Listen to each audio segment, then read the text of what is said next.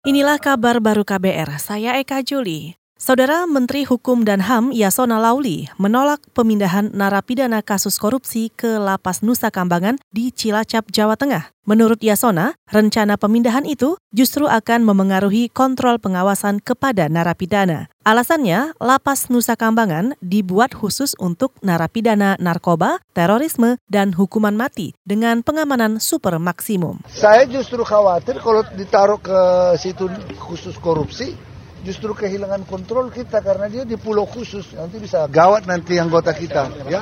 Itu tadi Menteri Hukum dan HAM Yasona Lauli. Sebelumnya Komisi Pemberantasan Korupsi atau KPK bersama dengan Ditjen Pemasyarakatan berencana merilis daftar nama narapidana yang akan dipindahkan ke Lapas Nusa Kambangan. Pemindahan ini berkaitan dengan tiga rencana aksi untuk perbaikan lembaga pemasyarakatan atau lapas. KPK berharap hal tersebut dapat segera direalisasikan.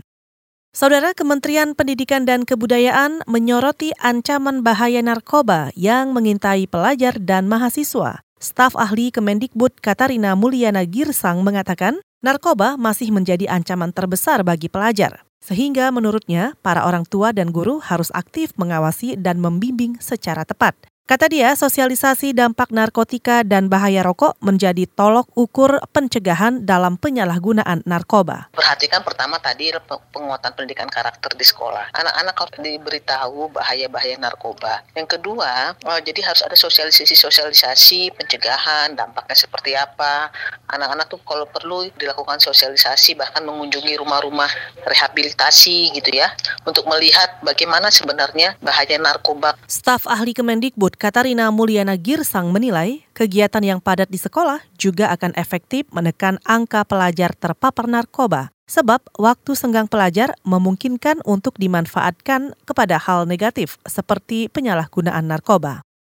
Empat pekerja migran asal Lombok Tengah, Nusa Tenggara Barat yang meninggal akibat kebakaran di Arab Saudi tidak mendapatkan asuransi jiwa. Kepala Tenaga Kerja dan Transmigrasi atau Disnaker Trans Lombok Tengah, Masrun, menyebut pemerintah kesulitan mengurus asuransi TKI karena berstatus ilegal. Karena memang ini kan ya sama-sama kita tahu kan Timur Tengah khususnya Arab Saudi untuk TKW ini kan pekerja wanita ini kan sudah moratorium lama. Kerja di luar perusahaan atau perorangan yang tidak memiliki uh, perjanjian kerja kan gitu. Kepala Disnaker Trans Lombok Tengah, Masrun, menambahkan, dari empat pekerja migran yang meninggal, dua orang di antaranya berhasil diidentifikasi, yaitu warga asal Desa Gerantuk dan Desa Wakul, Lombok Tengah.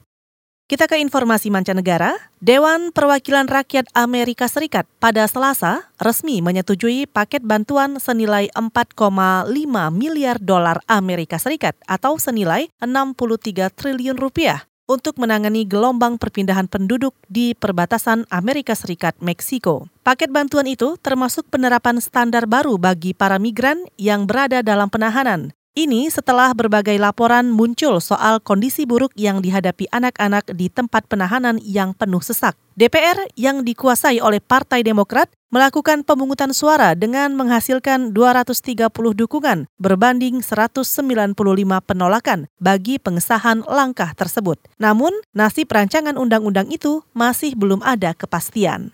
Saudara demikian kabar baru, saya Eka Juli.